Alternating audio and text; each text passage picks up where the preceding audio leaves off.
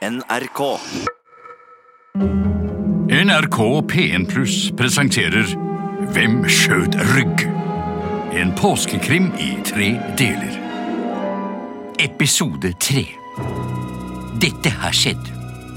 Komikerne Matt Erik Thomsen og Ove Knutstad har leid hytta Sykkelseter på påskefjellet for å skrive en ny komiserie for NRK P1 Pluss. Når de kommer frem, finner de kollega Teig Jansen der også. I den lokale avisen leser en advarsel fra politiet om at den beryktede massemorderen Stein Mie er observert i området. Utpå kvelden får de besøk av Ottar, rekvisitøren til radioserien, som også overnatter. Midt på natten hører de lyder av en snøscooter, og morgenen etter er både Ottar og Teig Jansen borte. Men i en telefonsamtale med produsenten finner de ut at det ikke finnes noen rekvisitør. Det er jo radio. Og det siste vi fikk høre, var at en pil med en lapp slo inn i ytterdøren. Der sto det Hvem skjøt rygg? Hvordan skal dette påskemysteriet ende? Slik sluttet forrige episode. Stein Mie! Hvem er det? Det er Gaus Larsen. Jeg har hytte nede ved parkeringsplassen. Ja, hva gjelder det? Dere har parkert på min plass. Kan dere lukke opp? Det må være massemorderen Stein Mie. Hvorfor tror du det?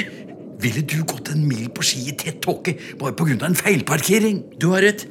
Det, det, det, det er ikke oss! Vi, Vi- vi har ikke bil. Nei, Det lå en lapp på dashbordet i bilen, og der sto det at hvis det var noe problem, så kunne bileieren kontaktes på Sykkelsetra. Og det er jo her, ikke sant? Var lappen undertegnet, da? Uh, ja, den var undertegna Evald Rygg. Det er ingen her som heter Rygg. Og Dessuten så er han død. Ok, da. Men når han dukker opp, så får du be ham om å flytte bilen sin, i hvert fall. Evald Rygg. Og, og, han oppga adressen hit. Da har han kanskje vært her, i hvert fall.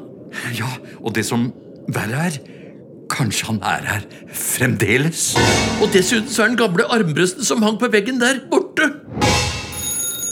Uh, uh, ja, hallo? Ja, hei, Ove. Det er Olsten. Nå har jeg snakka med politiet, og inspektør Lettessie og to betjente er på vei. Du burde være der i løpet av kvelden. Massemorderen Stein Mie! Hvem er det?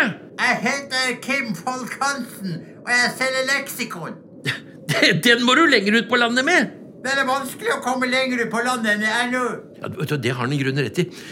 Men, men det er jo ingen som kjøper leksikon lenger. Alle bruker jo Internett. Ja, hvorfor går du rundt og selger leksikon her midt oppå fjellet?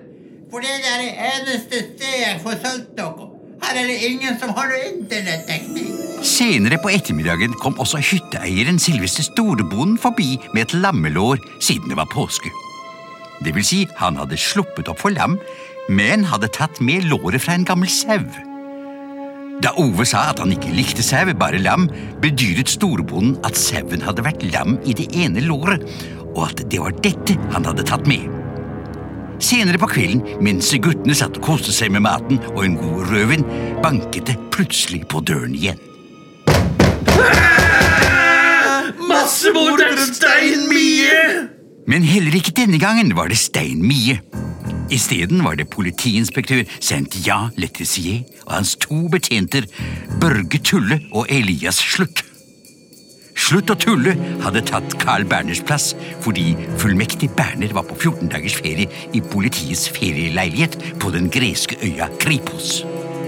Letizier kunne berolige dem med at Stein Mie ble allerede arrestert i Bangkok for to dager siden. Slutt å tulle bryter opp døren til det låste rommet. Der finner de Tegg Jansen stukket i hjel med en liten saks. Inspektør Letizier fastslår at saksen er for liten til å være brukt av en mann. De finner også et dødt ekorn der, som viser seg å være løsskjegget til Ottar.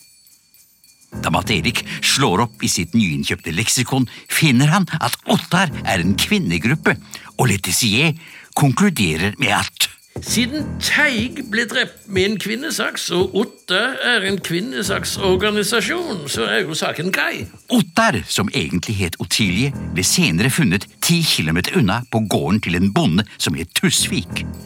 Og hun innrømmet at hun hadde myrdet Teig som en demonstrasjon mot at det ikke var noen kvinner med i serien. Og dermed var saken løst. Ikke helt, herr forteller. Å jo da, selvfølgelig. Morderen har jo til og med tilstått, må vite. Men det var heller ikke Ottar som drepte Teig, for han var nemlig allerede død, skutt. Så nå gjenstår spørsmålet hvem og hvor er Rygg, og hvem har skutt ham? Jo, nemlig deg, herr forteller. Fortelleren! Nemlig Evald Rygg var nemlig skuespilleren som spilte Teig Jansen, og han ble drept av fortelleren på oppdrag fra produsenten. Men, men hvorfor? Fordi Rygg truet med å forlate produksjonen hvis han ikke fikk dobbelthonorar pluss flere replikker, noe som var jo helt umulig siden han skulle være død. Dessverre så har vi bare beviser mot fortelleren og ikke mot bakmennene. Her er det nemlig snakk om organisert kriminalitet. Men, men hvem står bak? Er det mafiaen? Nei, NRK. Lystad og Mathisens påskekrim Hvem skjøt rygg er produsert for NRK av både og radiobyrå.